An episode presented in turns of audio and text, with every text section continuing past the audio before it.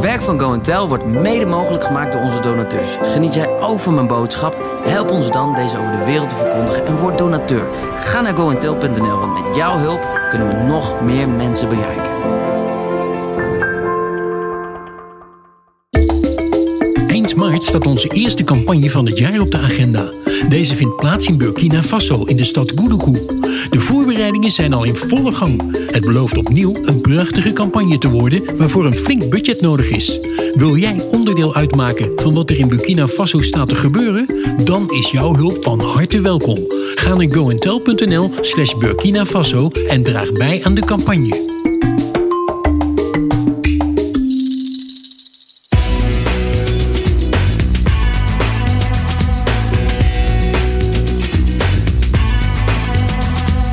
Dat je er bent, want we hebben natuurlijk weer een heerlijke boodschap voor je klaarstaan. De Bijbel spreekt over voorwerpen van goud, zilver, hout en aardewerk en koppelt dit aan mensen. Dat wekt het idee dat er onderscheid wordt gemaakt. Maar is dat ook echt zo? Daarover meer in de podcast van deze week. Kom zoals je bent. Ik wil het woord met je openen en beginnen met het lezen van een stukje vanuit 2 Timotheus 2, vers 20 en 21. In een groot huis zijn er niet alleen voorwerpen van goud en zilver, maar ook van hout en aardewerk.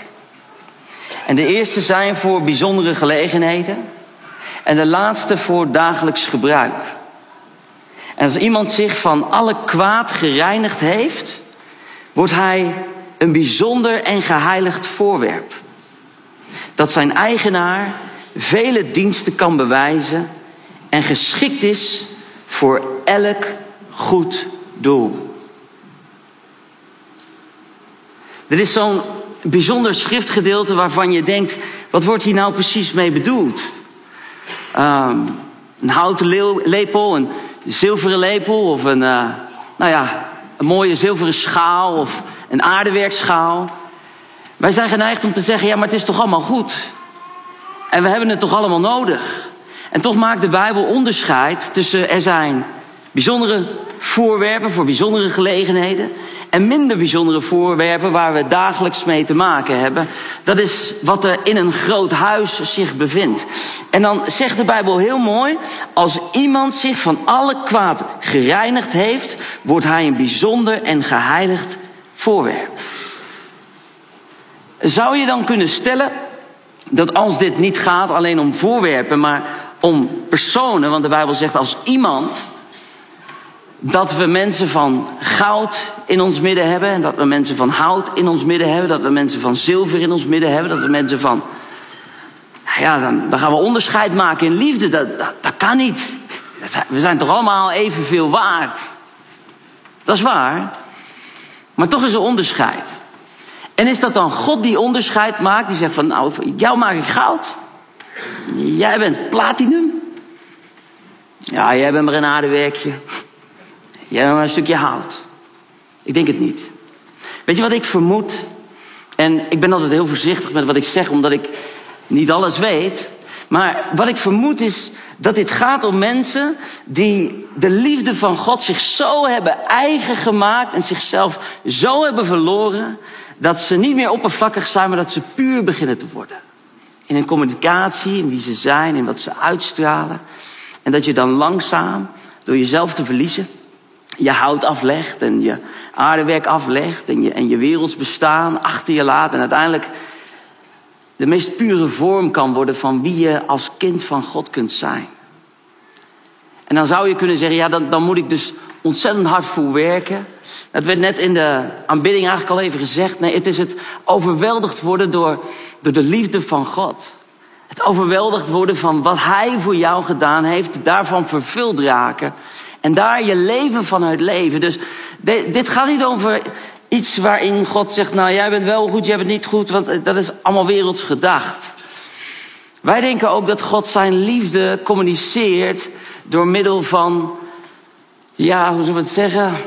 Verantwoordelijkheden, veel of weinig talenten. We zien het in de Bijbel. De een kreeg er één, de ander twee en de ander vijf. God maakt er onderscheid. dan zeg je, ja, maar een vader van liefde maakt toch geen onderscheid? Want eh, zoals ik ben opgegroeid, ik weet niet hoe dat bij u thuis was, maar wij kregen allemaal hetzelfde. Dus op het moment dat ik een verjaardagscadeau kreeg wat twee kwartjes minder was dan die van mijn broer, kreeg ik er nog een lolly bij.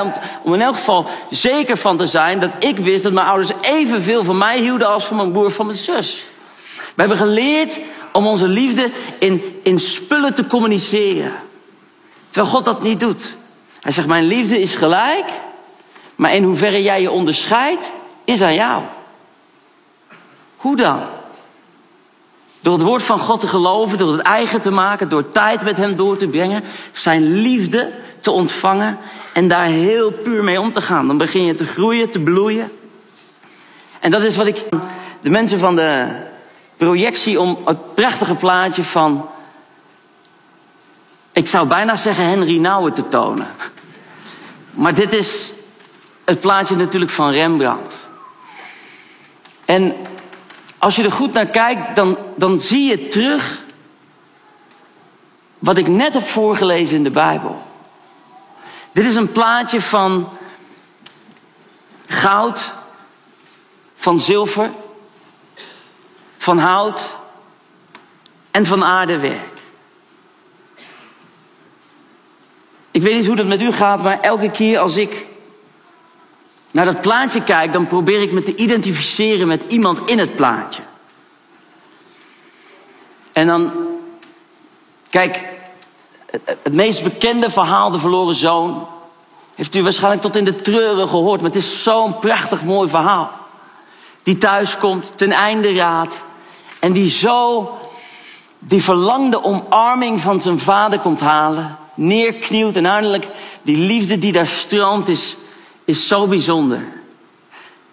Dat is een heerlijk plaatje om je mee te identificeren. Alleen ja, die jongen was ook een hoerenloper. Had al zijn geld opgemaakt aan prostituees. Vergokt en gedaan. Dus ja, dat is dan ook weer niet zo'n lekker plaatje om je mee te identificeren. Dus uh, dat is lastig. Laten we dat maar niet te veel doen. Dan hebben we daar die, eh, ja, die, die rechterman. Dat is als, als Even, zo gesproken, stel dat de verloren zo'n goud is, dat is het hoogste doel, thuiskomen bij de vader. Hebben daar die andere jongen die zo zijn best heeft gedaan. En die is dan een beetje zilver. En dan hebben we daarachter nog, ja, ik weet het niet wat hij is, een soort. Uh, ik denk dat hij over het huishouden ging en zo. We hem hout. En dan hebben we nog een beetje aardewerk daarachter. En dan hebben we daarachter nog iets, dat, dat is zo ver weg dat je het bijna niet ziet. Maar wat ik heel bijzonder vind, is dat al die ogen gericht zijn op die ene omarming in het midden. Of je nu met trotse handen over elkaar aan de zijkant staat te kijken naar die omarming omdat je hem verafschuwt. Of dat je in de schaduw zit en je geen onderdeel voelt van het verhaal, maar eigenlijk toch ook heel graag verlangt naar diezelfde omarming. Er is er één die hem gewoon als het ware opzuigt van binnen. En deze plaatjes gaan de hele wereld over. Natuurlijk niet het echte schilderij, want dat is onbetaalbaar. Maar ik heb bijvoorbeeld hier gewoon een kaartje met hetzelfde plaatje, omdat het zoveel zegt. Ik heb hem inmiddels ook bij mij op kantoor hangen. Zo groot als dat ik kon, heb ik hem besteld, op glas gedrukt. En als ik hem zie, dan doet dat iets met me. En de reden daarvan is omdat ik het in een moeilijke fase in mijn persoonlijk leven mee heb genomen op een retraite. Je kon ze een tijdje kopen, ook bij de Bijbelwinkel. Ik weet niet of dat nog steeds zo is, maar er stond er ook met mooie witte letters op: Je bent geliefd. Ik had het gezien en ik vond het zo mooi dat ik het gekocht had. En ik ging toen door een heel moeilijke periode in mijn eigen leven, want ik was ook vastgelopen. Ik had zo mijn best gedaan en toch waren er zoveel dingen niet goed gegaan. Ik was ziek, letterlijk, maar ik wist het niet. Ik had last van mijn lijf. Ik zocht het in allerlei geestelijke redenen. Maar ik, ik, ik, ik kon niet meer. Ik was uitgeput. Ik had emotioneel, omdat ik ziek was en het zocht in andere redenen, was ik zo vastgelopen dat ik ten einde raad was dat het voor mij een dal van tranen werd. En het was zo hoog opgelopen dat ik ook echt voor mezelf een aantal weken apart moest om bij te komen en alles te kunnen processen, te kunnen schrijven en te doen. En wat ik deed is, uh, ik nam dat plaatje mee met je bent geliefd. En die zette ik Midden in de woonkamer van mijn retraiteplekje. Voor meneer. En weet je wat ik deed? Ik, ik heb gehuild. Niet één keer, niet twee keer. Ik denk dat ik wel dertig keer gehuild heb. En als het even niet meer ging, dan keek ik naar dat plaatje. Omdat ik in dat plaatje kon zien dat ik bij God mocht komen gewoon zoals het was. Ik hoefde het niet mooier te maken. Ik hoefde het ook niet nog erger te maken. Kon ook voor mijn gevoel niet. Maar ik mocht komen met, met al mijn tekortkomingen.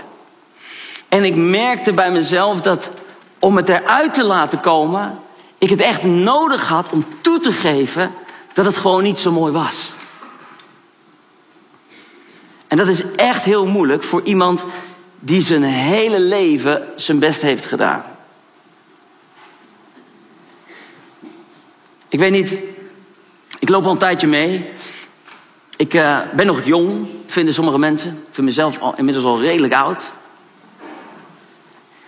Ik heb gesproken en ge, ge, gepredikt vanaf mijn zestiende. Ik zei net nog even tegen Olaf van, er was een tijd dat hier God Fashion was. Nog gesproken, het zat, helemaal ramvol met jongeren. Mooie tijden. En ik weet goed dat, dat ik van, van mijn jonge tienerjaren eigenlijk altijd alles gegeven heb om voor God te gaan. Ik heb ervoor gekozen om niet te gaan stappen s'avonds en wilde dingen te doen, zoals heel veel van mijn klasgenoten en vrienden. Verloren te zijn in de wereld. Nee, nee, nee. Ik wilde God dienen met alles wat ik had. Gekozen voor één vrouw, één meisje, één vrouw met wie ik ooit geweest ben. En ik dacht dat door het maken van al die bijzondere keuzes ik bij nou toch eigenlijk wel goud zou moeten zijn.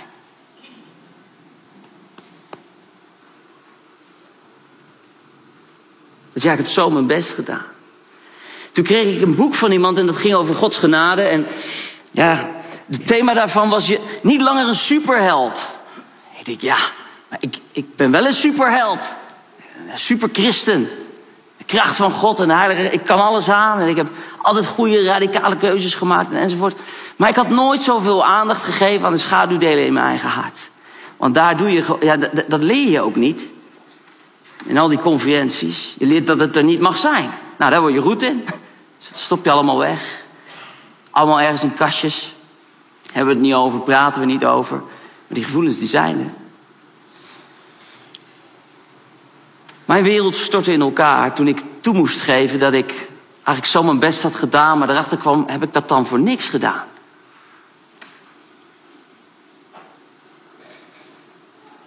Weet je wat het mooie was tijdens het lezen van het boek van Henry Nouwen? Toen zag ik in hem dezelfde worsteling. Dat hij zei, ik heb zo mijn best gedaan. Ik heb prijzen gewonnen. Ik heb eigenlijk altijd het goede geprobeerd te doen. En hij probeert zich dan in dat boek ook te identificeren met dit beeld. Wie ben ik nou? Ja, ik was ook overduidelijk niet de verloren zoon. Alhoewel ik soms in delen in mijn hart en in mijn emoties me wel weer in hem herkennen kan. Maar was ik dan die oudste zoon? Die totaal natuurlijk gewoon de boel miste. dat toe te geven, dat je je herkent in die oudste zoon. Dat is.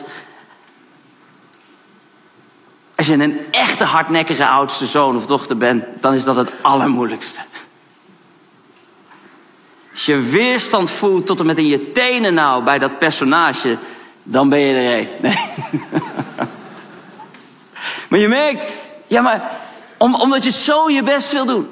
Er staat zo'n mooie Bijbeltekst in Job. En daar staat letterlijk dat, dat God zegt: Denk je dat door rechtvaardig te zijn dat je mij een cadeau geeft? Zegt God dan, hè? Denk je echt dat God een goede dag heeft als jij je een keer gedraagt? Zeg maakt me niet uit. Hij zegt, het is goed voor jou. Je doet het voor jezelf. Goud of zilver worden of platinum, dat doe je niet voor God. Om bij Hem in een soort van goed daglicht te komen. Maar je doet het om jezelf te zien groeien. Die liefde te ervaren. Maar weet je wat zo frustrerend is als je je als oudste zoon gedragen hebt? Is dat je soms die jongste verloren zonen voorbij ziet komen, bij God het koninkrijk in ziet komen, terwijl ze alles hebben gedaan wat God verboden heeft. En binnen no time staan ze vooraan in de kerk te preken, krijgen ze de grootste verantwoordelijkheden, hebben ze de mooiste wonderen. Dat doet iets met je hart. Ken een jongen en die vertelde, die, die, die had alles gedaan wat God verboden heeft. Hij zegt, ik heb drugs verkocht aan kinderen en die zijn daardoor gestorven. Was een getuigenis, weet je. Ik zat in die zaal, ik denk, nou, lekker dan. En toen zei hij er achteraan, maar er is geen dag dat ik me schuldig voel, want Jezus heeft me vrijgemaakt. Ik denk, geen dag dat jij je schuldig voelt. Hoe doe je dat? Want schuld en schaamte zijn een thema in mijn leven al mijn hele leven lang. Omdat ik denk dat ik het op een bepaalde manier moet doen, maar het lukt niet altijd. En tijdens het bestuderen van dit plaatje. Toen ontdekte ik, er zijn zonen, maar er zijn ook werkers. in het huis van de vader. En toen dacht ik, als dit het plaatje is van Gods huis, dan is het ook een plaatje van ons als gemeente. En ondanks het feit dat ik heel graag me zou willen identificeren met de perfecte zoon, of degene die het dan het best gedaan heeft, want dat is echt oudste zoongedrag, moet ik eigenlijk eerlijk toegeven dat ik me herken in ze allemaal.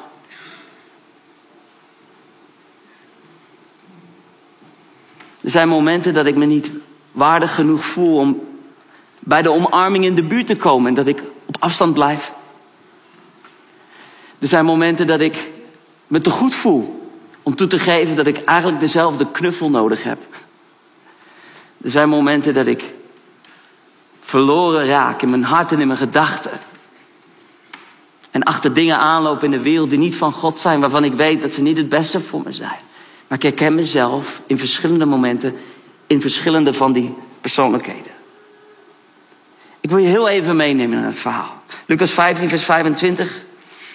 De oudste zoon die was op het veld. En toen hij naar huis ging en al dichtbij was, hoorde hij muziek en gedans. Hij riep een van de knechten bij zich en hij vroeg wat dat te betekenen had. En de knecht die zei tegen hem, uw broer is thuisgekomen. En uw vader heeft het gemeste kalf geslacht, omdat hij hem gezond en wel heeft teruggekregen. Hij werd woedend en hij wilde niet naar binnen gaan. Maar zijn vader kwam naar buiten en trachtte hem te bedaren. Hij zei tegen zijn vader: Al die jaren werk ik voor u en nooit ben ik u ongehoorzaam geweest als u mij iets opdroeg. En hebt mij zelfs nooit een geitenbokje gegeven om met mijn vrienden feest te vieren. Maar nu die zoon van u is thuisgekomen die uw vermogen heeft verkwanseld aan de hoeren, hebt u voor hem het gemeste kalf geslacht? En zijn vader zei tegen hem, mijn jongen, jij bent altijd bij me. En alles wat van mij is, is van jou. Maar we konden toch niet anders dan feest vieren en blij zijn, want je broer was dood en is weer tot leven gekomen. Hij was verloren en hij is teruggevonden.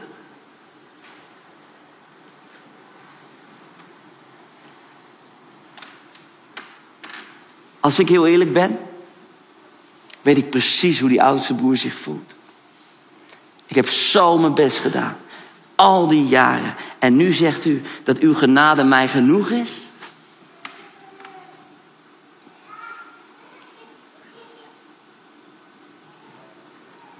Terwijl al die emoties van jaloezie, van goed gedrag, van strijven, van je best doen, van, van Heer, ik heb nu vast wel een streepje voor gehad.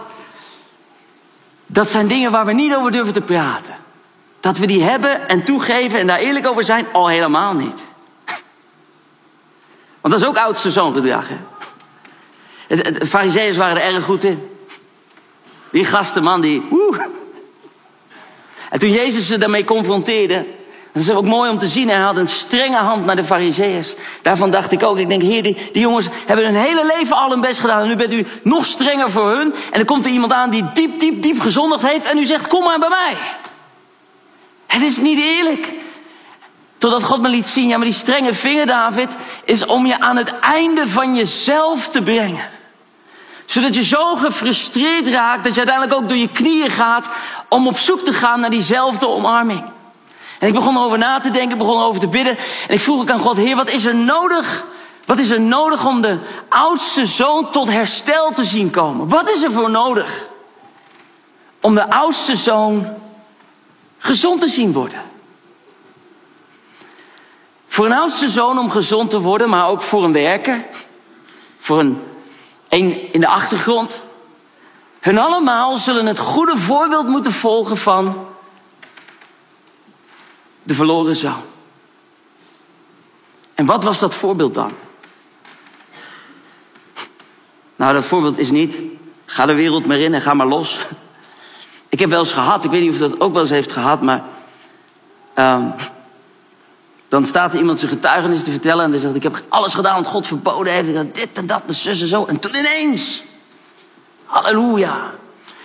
En toen dacht ik: Hè, moet ik eerst aan de drugs voordat ik zo'n ontmoeting met God kan krijgen? Dat kan toch niet waar zijn? En ik zou vertellen: Het is ook niet waar. Want Hij, onze Hemelse Vader, zegt: Jij bent altijd bij mij. Die jongste zoon werd welkom geheten, maar die oudste zoon werd ook uitgenodigd. Die vader kwam naar buiten. Hij zei: Jongen, kom mee naar binnen. Kom binnen in mijn feest. Maar dat was een houding die hem op afstand hield. En die uitnodiging en die knuffel is voor ons allemaal.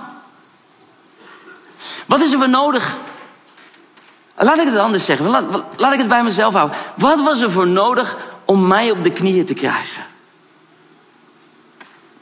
Weet je wat er voor nodig was om mij op de knieën bij de Vader te krijgen? Toegeven. Dat ik zo lang, zo keihard mijn best had gedaan. Toegeven. Dat ik het echt deed om dingen te verdienen toegeven dat ik zo graag de beste wil zijn. En toegeven dat ik eigenlijk zo verlang naar die knuffel van mijn hemelse vader. Waarin alles van me afvalt. Hij me vasthoudt en zegt, het is goed. Kom maar.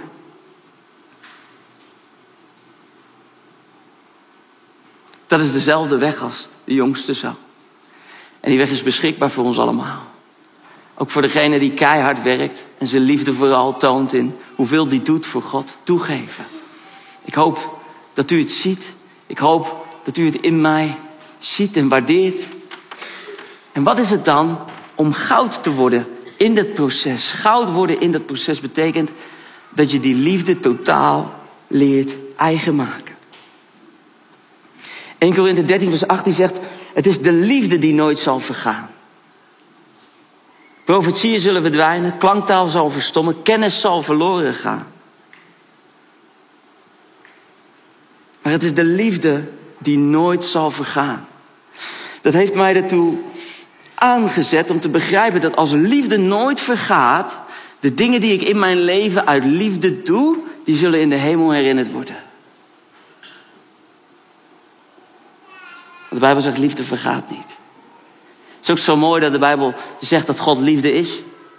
Ik ben er inmiddels heilig van overtuigd dat, dat er zoveel meer volkeren in de hele wereld zijn die God al kennen door de liefde, maar zijn karakter in Jezus nog niet ontmoet hebben. Het is een voorrecht wat wij hebben in zijn leven, in wat we zien. Hij heeft die knuffel bij de Vader mogelijk gemaakt. Hij heeft die weg voorbereid. Ik weet niet of u ook zo gefrustreerd bent uh, geweest met de brandstofprijzen en de gasprijzen. Wij hadden zo'n lekker uh, variabel uh, contract. Dus wij zijn flink gestegen. Niet in aanzien, maar in kosten. En ik heb om ons huis wat meer warmte te geven, maar snel een pelletkacheltje gekocht naar een fabriek gereden en helemaal een zakken pellets ingeslagen. Ja, je doet wat. Het is best wel een, een, pittige tijd. Ik weet niet of het merkt, maar, maar alles wordt duurder. Pop, pop, pop. En die prijzen aan de pomp die bleven ook maar stijgen. Zo'n auto die rijdt niet op uh, water. Misschien in de toekomst op waterstof. Maar je hebt brandstof nodig. Nou, zal ik u goed nieuws vertellen, want u als mens loopt ook op een bepaalde brandstof. En die brandstof heet liefde. En sommige mensen die zoeken om zichzelf te vullen, want je moet je brandstof bijvullen door de liefde in een partner, vrienden of aandacht of hard werken.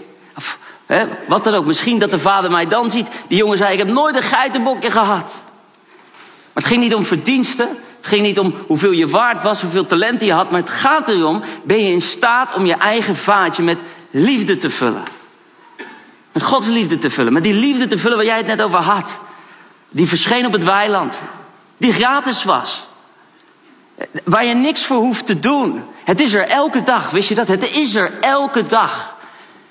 Alleen of je tijd neemt om bij te tanken of niet, is helemaal aan jou. Kijk, het is zo makkelijk om over Gods liefde te praten dat het ook weer langs je heen kan gaan. Ken je dat? Ja, God die houdt van je. Ja, ja hij houdt van je. Ja, nee, hij houdt echt van Ja, ja, ja, ja, ja, ja oké. nou, en weer, en weer door. Met de dagelijkse gang van zaken. Maar wat nou als Gods liefde zo tastbaar wordt dat je een manier ontwikkelt dat je jezelf elke dag met die omarming vanuit de hemel vullen kan? En dan heb ik het niet over, nou dan moet je elke dag je Bijbel lezen, stille tijd houden, doen en gaan zitten en wandelen. En ik, ik bedoel, als je het kan, prima. Goed voor je. Doen. Maar wat als jij een manier kan ontwikkelen waarin je Gods onvoorwaardelijke liefde ervaart, altijd met wat je doet of wat je niet doet. Want dat is er. Elke dag. Ik adem liefde in. Laat spanning, boosheid, twijfel en angst los. Ik adem liefde in. Want het is er. En het is gratis. Marcus 12, vers 30. En dan gaan we naar het einde van mijn verhaal. Heb de Heer uw God lief. Met heel uw hart. Met heel uw ziel. Met heel uw verstand. En met heel uw kracht. En het op één na belangrijkste is dit. Heb uw naaste lief als uzelf. Er zijn geen geboden belangrijker dan deze. Oké, God houdt van mij, dus ik moet van mijn naaste houden. Dat is wat ik geleerd heb. Dat is waar ik gestopt ben, maar ik sloeg iets over. God houdt van mij, dus ik moet van mijn naaste houden. God houdt van mij, ik moet van mijn naaste houden. Weet je wat de echte Bijbelse volgorde is? God houdt van mij, dus ik hou van mezelf. En omdat ik van mezelf hou, kan ik ook van jou houden.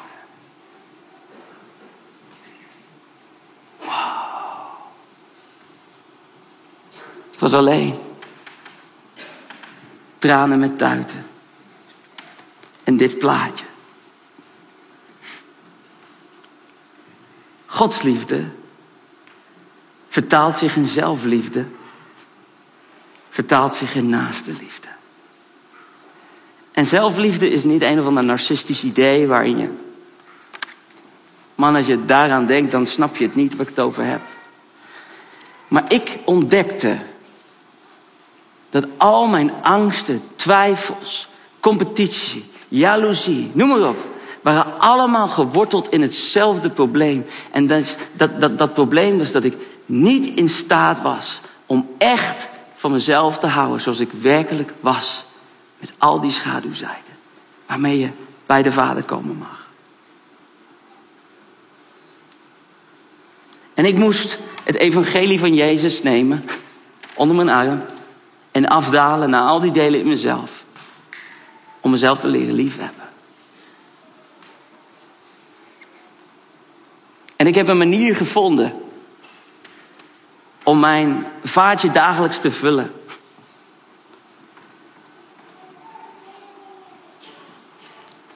En het is verslavend. Ik heb Meer dan genoeg liefde over en ook veel meer genade voor andere mensen en hun gedrag. Dat ik ooit had in mijn hele leven. Veel minder zwart-wit geworden. Veel minder radicaal voor sommige mensen, maar ik hou veel meer van zonde zoals ooit tevoren. Ik snap het, ik heb iets van Jezus gezien. In die omarming. Het is mijn gebed. Dat wat gratis en voor niets beschikbaar is, ook in jouw leven mag stromen zoals het echt is. Mag ik aan de band vragen om bij me te komen?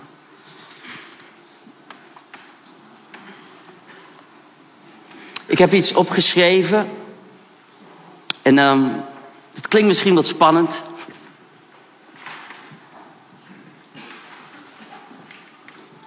Maar ik heb opgeschreven: zelfliefde is vertrouwen in je maker en geloven dat hij het goed gedaan heeft.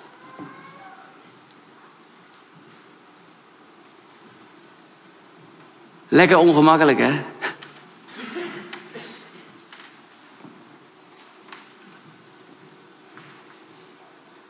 Als ik mezelf toesta om van mezelf te houden met alle mits en pieces en maaien, dan sta ik de liefde van de Vader toe om rechtstreeks tot mijn diepste kern te stromen.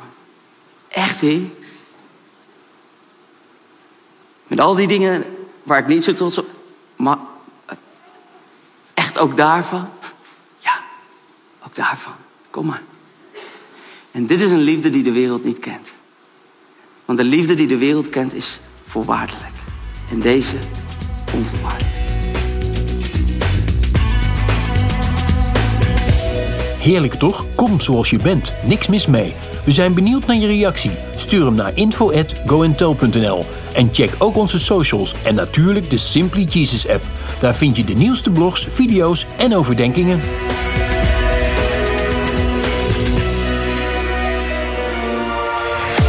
Doorbrekers en Go Tel slaan de handen ineen voor een onvergetelijke worship night. Goede vrijdag 7 april staan we met elkaar stil bij die ene plek, Gethsemane. Wat was daar zo indrukwekkend dat we er nog altijd kracht uit putten? David de Vos en Doorbrekers Worship geven hier op een creatieve, beeldende en vernieuwende manier invulling aan. En stellen daarbij slechts één persoon centraal: Simply Jesus. Jij bent van harte welkom, samen met je gezin, vrienden of kennissen. Tickets zijn gratis te reserveren via doorbrekers.nl/slash simplyjesus.